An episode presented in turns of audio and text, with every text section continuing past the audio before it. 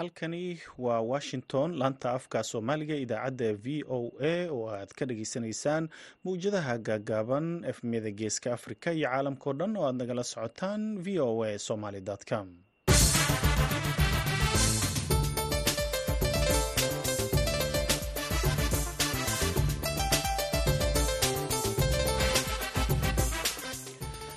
subax wanaagsan dhegeystayaal waa khamiis labaatanka bisha februari sanadka laba kun iyo afarlabaatanka idaacadda saaki caalamkana waxaa idinla socodsiinaya anigoo ah cabdulqaadir maxamed samakaab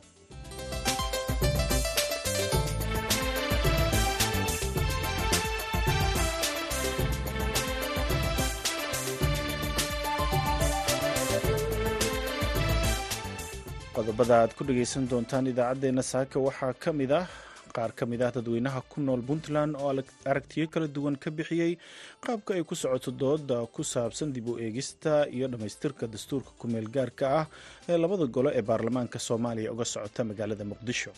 Anigu qof ahaan waa taageersanahay in dastuurka soomaaliya la dhammaystiro oo la qabyatiro ama wax laga bedelo qodobada markaa loo arko inaysan waddanka horumarkiisa saacideyn si looga baxo muranka siyaasiga ee soo noqnoqda mararka qaybtood dastuurka haddeer sida loo wado maaha wax ka bedel waa dastuurkii oo gebigiisa dhan la bedelayo taasna maaha mid u fiican midnimada soomaaliya waxay ku fiican tahay wax laga wada hadlo oo heshiis lagu yahay in dastuurka lagu soo daro waxaa kalood maqli doontaan bulshada ku nool xeryaha qaxootiga dhadhaab ee dalka kenya oo ka walaacsan falal amni darro iyo isticmaalka daroogada oo ku soo badanaya xeryaha qaxootiga iyo nawaaxigooda warbixin ku saabsan magaalada baydhabo oo lagu soo gebagabeeyey shir kor loogu qaadayay tayada hay'adda garsoorka maamulka koonfur galbeed iyo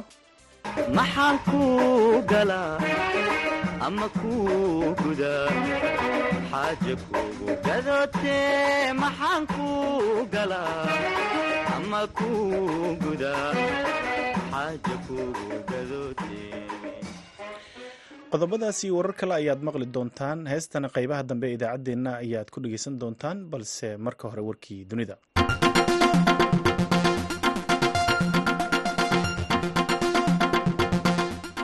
Israa'il ayaa xoojisay duqeymaha ay ka wado degmada rafax ee koonfurta marinka khaza kadib markii la xaqiijiyey in arbacadii shalay labaiyo toban xubnood oo isku qoys ahaa lagu dilay duqeyn cirka ah oo ay fuliyeen ciidamada israa'iil dadka deegaanka rafax ayaa wakaalada wararka ee reuters u sheegay in dhowr madfac lagu duqeeyey qaybo ka mid ah rafax halka ciidanka badda ee israa'iil oo isticmaalayay doonyo ay rasaas ku fureen dadka ku nool agagaarka xeebta rafax sawirqaade ka tirsan reuters oo ku sugnaa rafax ayaa sheegay in labayo tobanka qof ee la dilay ay ka wada tirsanaayeen qoyska al nuur dadka dhintay ayaa waxaa ku jiray carruur dacyar milatariga israa'iil ayaa arbacadii sheegay inay xoojiyeen dagaalka ay ka wadaan degmada khan yunis oo dhanka waqooyi uga beegan rafax maysay sheegeen inay weerari doonaan rafax iyo inkale wasaaradda caafimaadka ee gaza ayaa sheegtay arbacadii in dadka rayidka ah ee khaza lagu dilay ay gaarayaan sagaaliyo labaatan kun saddex boqol iyo saddex iyo toban ruux halka dhaawacana uu cagacagaynayo sagaal iyo lixdan kun saddex boqol iyo soddon qof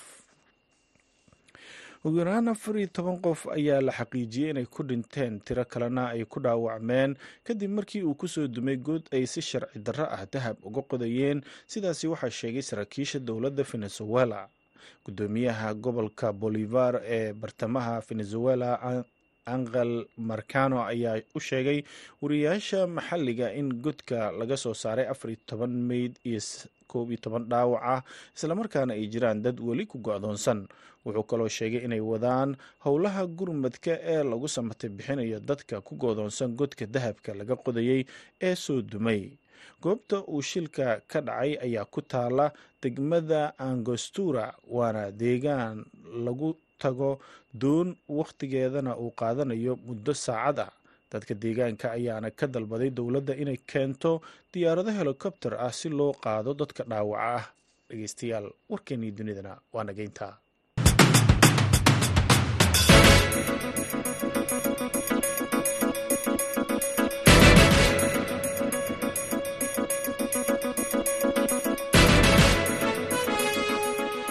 subax wanaagsan dhegeystayaal halkaad nagala socotaan waa v o a oo idinkaga imaaneysa washington.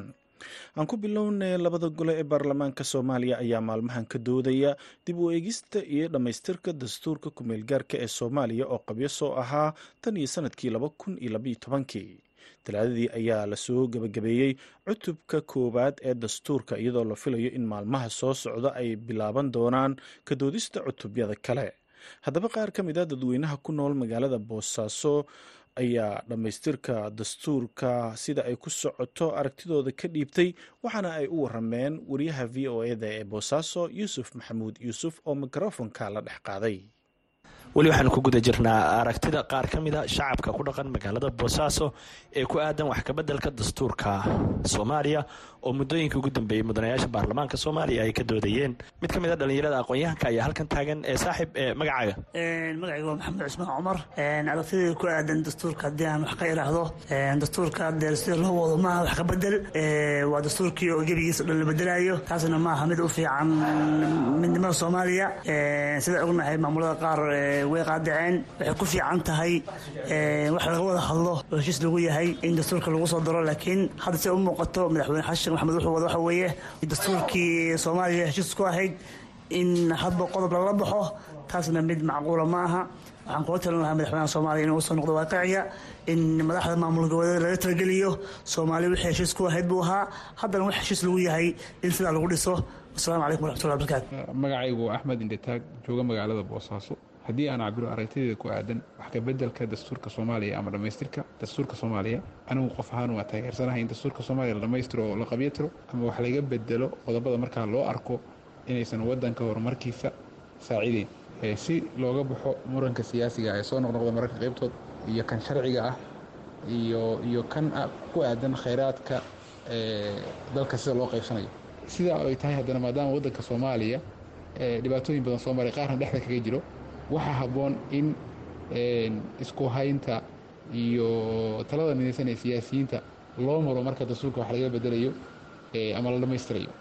Haddiise in kooban oo markaa maslaxad goonni ah ka leh ay dedejiso ama iyadu qodobay u aragto inay maslaxadooda ka shaqaynayaan ay ku tallaabsato inay wax ka bedesho waxaa dhalan kara meeshii uu horumarka waddanka iyo iyo mashaakilka jira uu yarayn lahaa inuu dhibaato kale abuuro. Saa darteed anugu waa taageersanahay qof ahaan laakiin waa in wadar ogol iyo talabadsi oo mucaarad iyo mu'ayid heerarka kala duwan ee wadanka maadaama wadanku uu nidaam federaal u guuray in la waa muhiim. Laakiin waa arrin loo baahan yahay uusan wadanku hore uga dhaqaaqi karin inta dastuurku qabyada yahay. Yuusufow dooda dastuurku runtii waa mid dhinacyo badan taabanaysa. Dastuurku wuxuu soo jiitamayey muddo dheer. Oo ay ahayd runtii in la dhammaystiro si bulshadan loogu dhaqo wixii ay ku heshiisay oo waxaa jirta iyadoo aan siyaasiyan looga heshin qodobo badan oo hanaanka dowladnimada dalka taabanaya in wax laga bedelay.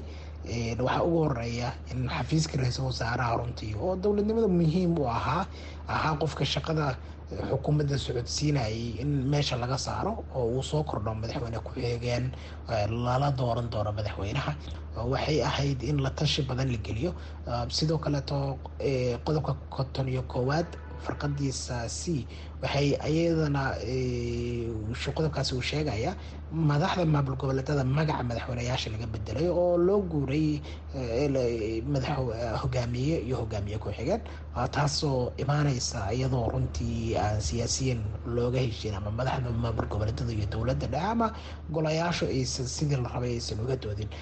Waxaan u arkaa runtii dhamaystirka dastuurku dhinac inuu caqabad kaga noqon karo hanaanka dibdhiska dalkeena. Dadka soomaaliyeed waxay la dhibanaayeen sida doorashooyinka qaranku iyo kuwa maamul goboleedyadu runtii ay u dhacaanin haddana in dadka soomaaliyeed ay u noqdaanin kuwo victim u ah dastuurkii runtii waa wax aada looga xumaa. Kuwaasi waxay ahaayeen qaar ka mid ah dadka magaalada boosaaso oo u waramayey wariyaha v o eda yuusuf maxamuud yuusuf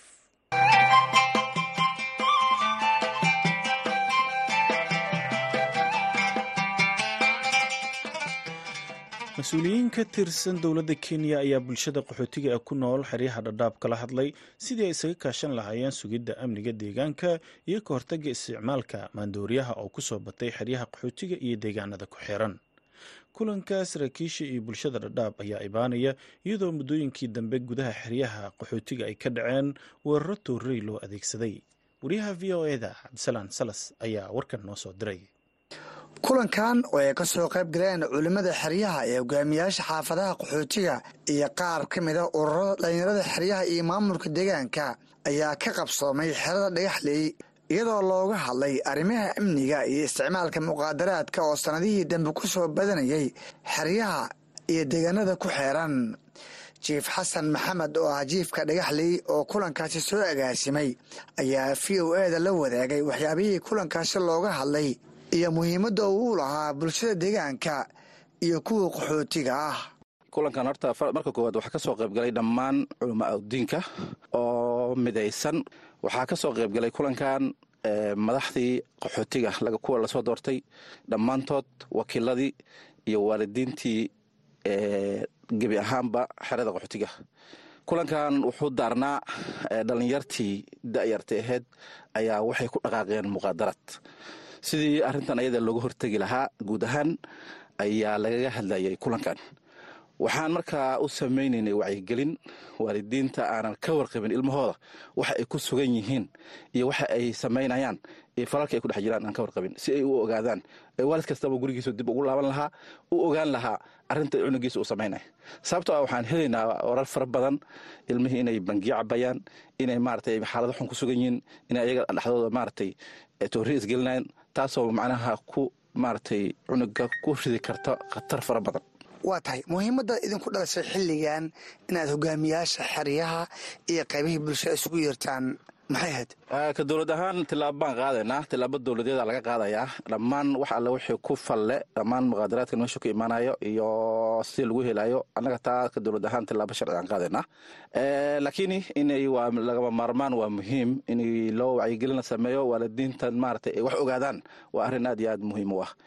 Waxaa intaa dheer arrimaha xoogaa laga hadlay ajendaha fasahaada oo xoogaa yar kor u kacday.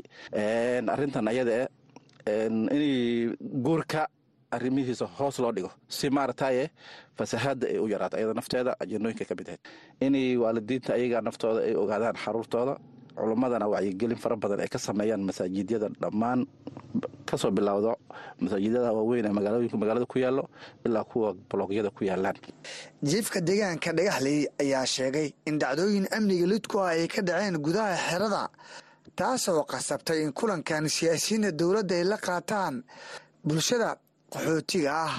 Haa sababtoo ah ilmo yaryar oo waxaa jira ayagoo toori iskelina la arkay. Meelo ma garanaysaa qolyo ma garanaysaa madow ah ee kenya gudaheeda ka imaadeen ay waxyaaba maaragtay ku gadgadaan. Kadib markii ciidankii iyo dowladda ay tagtaan wixii wax weynoo hadda la arkay aysan sii jirin. Laakiin caruurtii waxay siiyaan la garan waayey. Carruurta markay waxaas cabaan inay tooriye ayaga isula baxaan oo ayaga tooriye isgeliyaan taasaa keentay inay maaragtay kulankan laga dejiyo. Ma jiraan dhacdooyin kale oo ganacsigii iyo saameyn ku yeeshay? Way jabsanayaan tuuga dhacdooyin tuugaa jirta oo maaragtay dukaamadii ay jabsanayaan waxyaaba fara badan baa jira. Marka kulankan waa kulan aad iyo aad aad iyo aad muhiim u ah. Kulan maaragtay aan ka shaqaynayna muddo waxaan rajaynaynaa inay gool weyn laga gaari doono. Arrintaa arrimaha ayaga insha allah ugu dambayntiina maxamed qaasim xuur oo ka mid ah ururada dhallinyarada xeryaha ayaa hay'adaha samafalka ka codsaday in ay dib u howlgeliyaan mashaariicdii lagu taageeri jiray dhallinyarada si looga weeciyo khatarada ka dhalan kara isticmaalka maandooriyaha iyo shaqola'aanta baahsan ee ka jirta gudaha xeryaha. Cabdisalaan waa mahadsan saa ka warhaaso sanad walba waxaa soo baxaa kumanaan arday ah oo rabaan inay iskuullada soo dhameeyey iskuullada sare soo dhameeyey. Waxaan codsanayaa hayadihii hore samayn jiray shaqa abuurka wanaagsan inay dib u soo celiyaan ay dhallinyarada dib u fiiriyaan sababtoo intay maqaadaraad iyo waxaan loo jawangeli lahaayeen la soo fiiriyo. Aanan rabno inaan kor u qaadno dhallinyarada isku duubnantooda iyo ka hortagga insha allahu tacaala kulankan ayaa ku soo aadaya iyadoo xeryaha ay ku soo badanayaan isticmaalka maandooriyaha iyo dhacdooyinka la xiriira arrimaha tahriibka cabdisalaan salas v o a dhadhaab kenya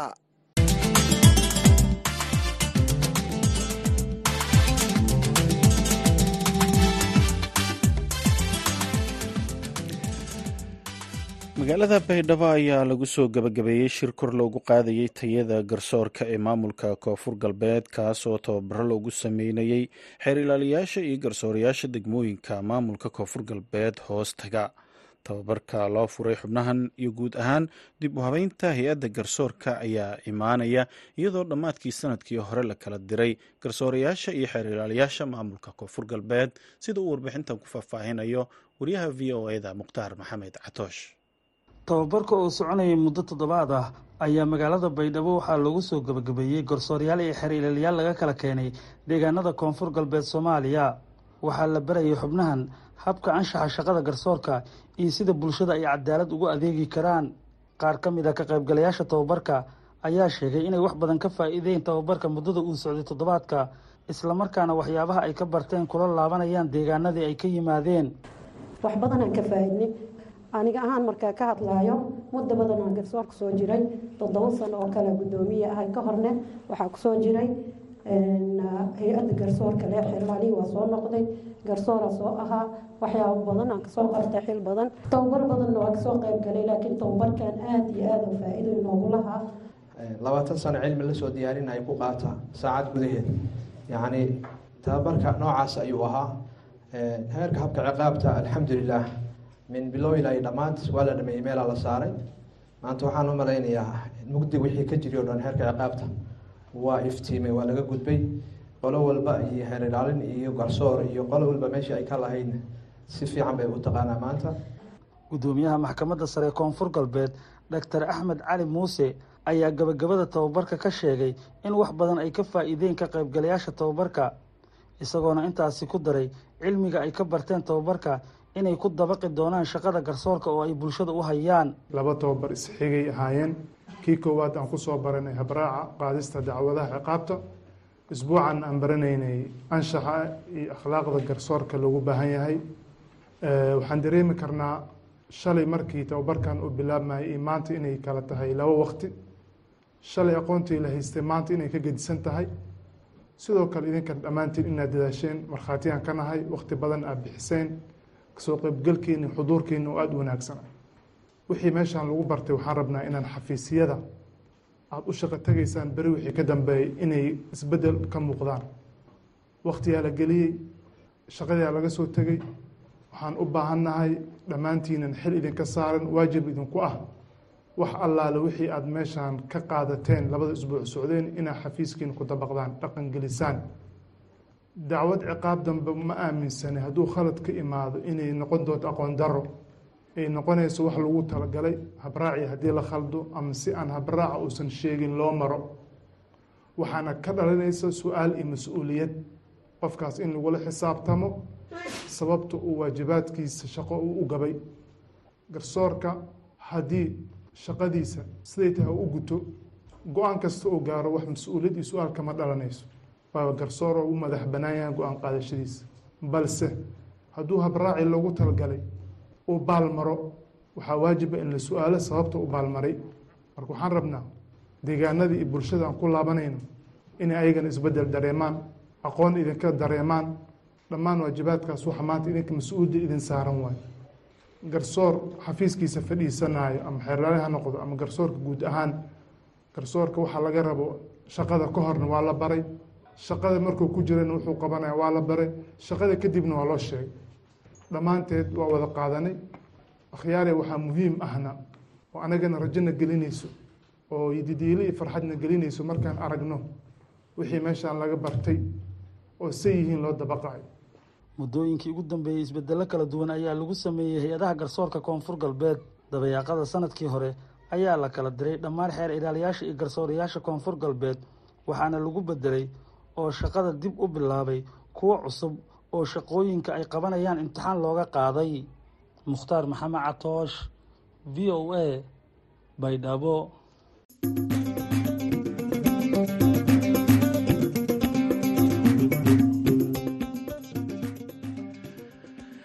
Iyadoo muddooyinkan dambe ay caalamka ka socdaan dadaallo kor loogu qaadayo ilaalinta deegaanka ayaa hay'adda caalamiga ah international organization for for standardization waxa ay shahaadooyin la xiriira dhowrista deegaanka guddoonsiisay shirkadda isgaarsiinta telesom. Wariyaha v o eda ee hargeysa qadar cakule ayaa arrinkan ka wareystay ku-xigeenka madaxa howlgelinta telesom maxamed isaaq cilmi. Shahaadooyinkaynu qaadanay waa afar shahaado oo kala ah waxa weeyaan ama oo loo soo gaabiyo q m s oo ah quality management system iyo iso oo iyadana loo soo gaabiyo e m s ama environmental management system iyo iso oo iyadana loo soo gaabiyo o h m s loo gaabiyo oo iyaduna macnaheedu tahay occupational and safety management system ay tahay iyo iso oo iyaduna information security management haddii dadkaad u yar sharaxdid maxay faa'iidooyin leeyihiin shahaadooyinkani?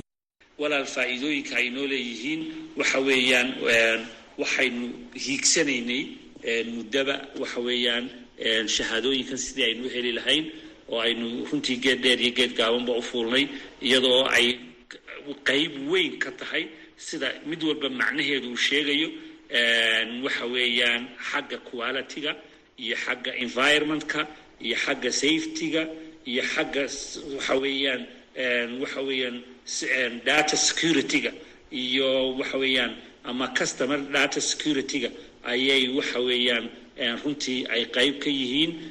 Sidaas ayaynu waxa weeyaan dadaalkaa dheer runtii u galnay. Muddo in ku dhow lix bilood ayaa trainingkeeda iyo auditkeeda hadday external tahay iyo hadday internal tahayba waxa weeyaan aynu hawshaasi ku jirnay cidda aynu ka qaadanayna waa combaniga la yidhaahdo waxa weeya certy trust baa la yidhaahdaa. Base wuxuu hadda uu ku leeyahay kenya nairobi. Ujeeddada ugu weynaynu ka lahayno waxa weeyaan inaynu ka helno aqoonsi caalamiya inaynu ka helno shirkad ahaan iyo waddan ahaanba iyo quality assuranska amase in aynu hubinno badqabka ama tayadii loogu talagalay adeegyada ay shirkadu bixiso hadday simikaadha tahay hadday tahay internet hadday tahay mobileka iyo waxa weeyaan w dhinac kasta haddii laga eego inaynu waxa weeyaan ku guulaysano iyo inaynu marketka ama somaliland ha ahaato marketada kaleba ha ahaatee inaynu u helno gate amase albaab aynu ka galno iyo macaamiisheenna oo iyaduna kalsooni waxa ku isticmaalaysa adeegeenni maadaama waxa weeye aynu u haysano standardka caalamiga ah. Waxaa ku jira shahaadooyinkiinan in ilaalinta deegaanka. Dad badan baa isweydiin karaa markaa shirkada isgaarsiineed iyo ilaalinta deegaanka xiriirka ka dhexeeya. Waxaan waxaan xusayaa walaal. Shirkad isgaarsiin haddaanu nahay haddana waxaanu isticmaalnaa waxyaalo fara badan oo haddii aan la nidaamin ama aan la habayn environmentka amase deegaanka waxyeelaya waxaa ka mid ahaa haddaad tusaale u soo qaadado tallaabadii ugu horreysay aanu qaadnay waxay ahayd berigii hore kushubashadeennu waxay ahaan jirtay kaadhadh balastiga oo siday runtii carrada marka dadku ka isticmaalaan haddii dhulka lagu tuuro muddo qaadanaysay inaynu waxa weeyaan ay carrada la falgalaan oo ay baaba-aan waxaynu ka dhignay warqad baynu ka dhignay. Haddana markii dambena maca warqadii baynu ka guurnay waxaynu ka dhignay electronic baynu ka dhignay. Sidaan maantaba uu yahay oo kale. Waxaa kale oo runtii walaal xagga environmentka waxyaalahaanu ka qabanay ka mid ahaa waxa weeyaan shirkad ahaan waxaanu isticmaalnaa shidaal aad iyo aad naafto iyo batrool labadaba waxaanu u isticmaalnaa si kayri caadi ah. Waxaan qaadanay iyadana si aan environmentkii ama deegaankeenii wax uga qabanno siyaasadda laydhaha green energy inaanu isticmaalno waxaanu ku guulaysanay inaanu ilaa laba boqol iyo lix iyo konton xarumood oo u badan xagga waxa weeyaan ka baxsan magaalooyinka waaweyn inaynu dhammaantood solar ka dhigno ugu dambeyn maxamed waa maxay sababta aad ku mutaysateen afartan shahaada caalamiga. Runtii dadaalada ay shirkadu bixisay waqti dheer bay shirkadu soo shaqaynaysay oo ku dhow shan iyo labaatan sannadood. Waxaynu walaal isku daynay marnaba tiknolojiyadda casriga ee caalamku halka uu marayo inaynaan ka hadhin ayaynu waxa weeyaan ayaynu shirkad ahaan ku dadaalnay. Halkeebuu caalamku marayaa? Technologyga socdaa muxuu yahay? Sidaas baynu ku soo bilownay. Two g waxa weeyaan tree g four g iyo five g oo u dambeeyey oo aynu hadda waxa weeyaan runtii sannadkii bishii january kowdeedii aynu loonj garaynay kaasi waxa uu ahaa maxamed isaaq cilmi oo u waramayey wariyaha v o e-da qadar maxamed cakulle haddana waxaad ku soo dhowaataan kaalmihii heesaha iyo codkii axmed naaji sacad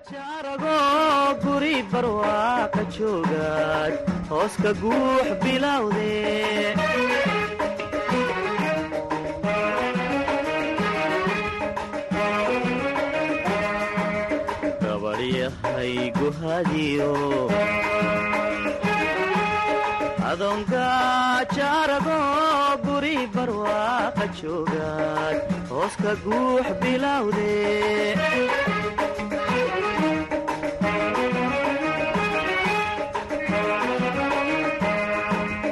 adaa gambinaayo garab maray wanaage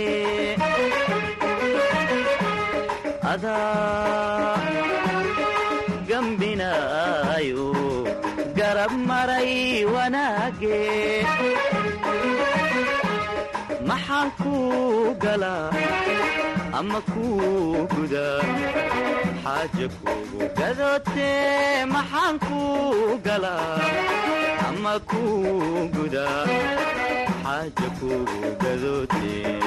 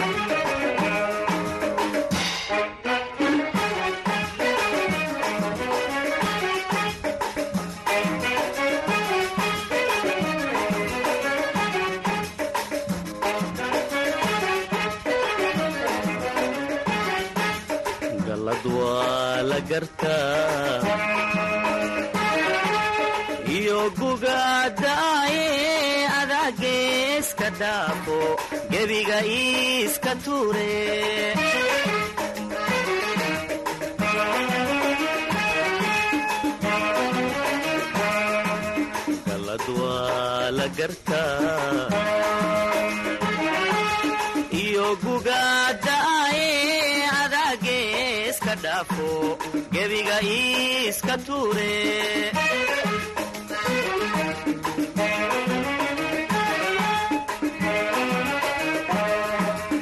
wixii ku gabbaaday iyo nafsibaa ku gaade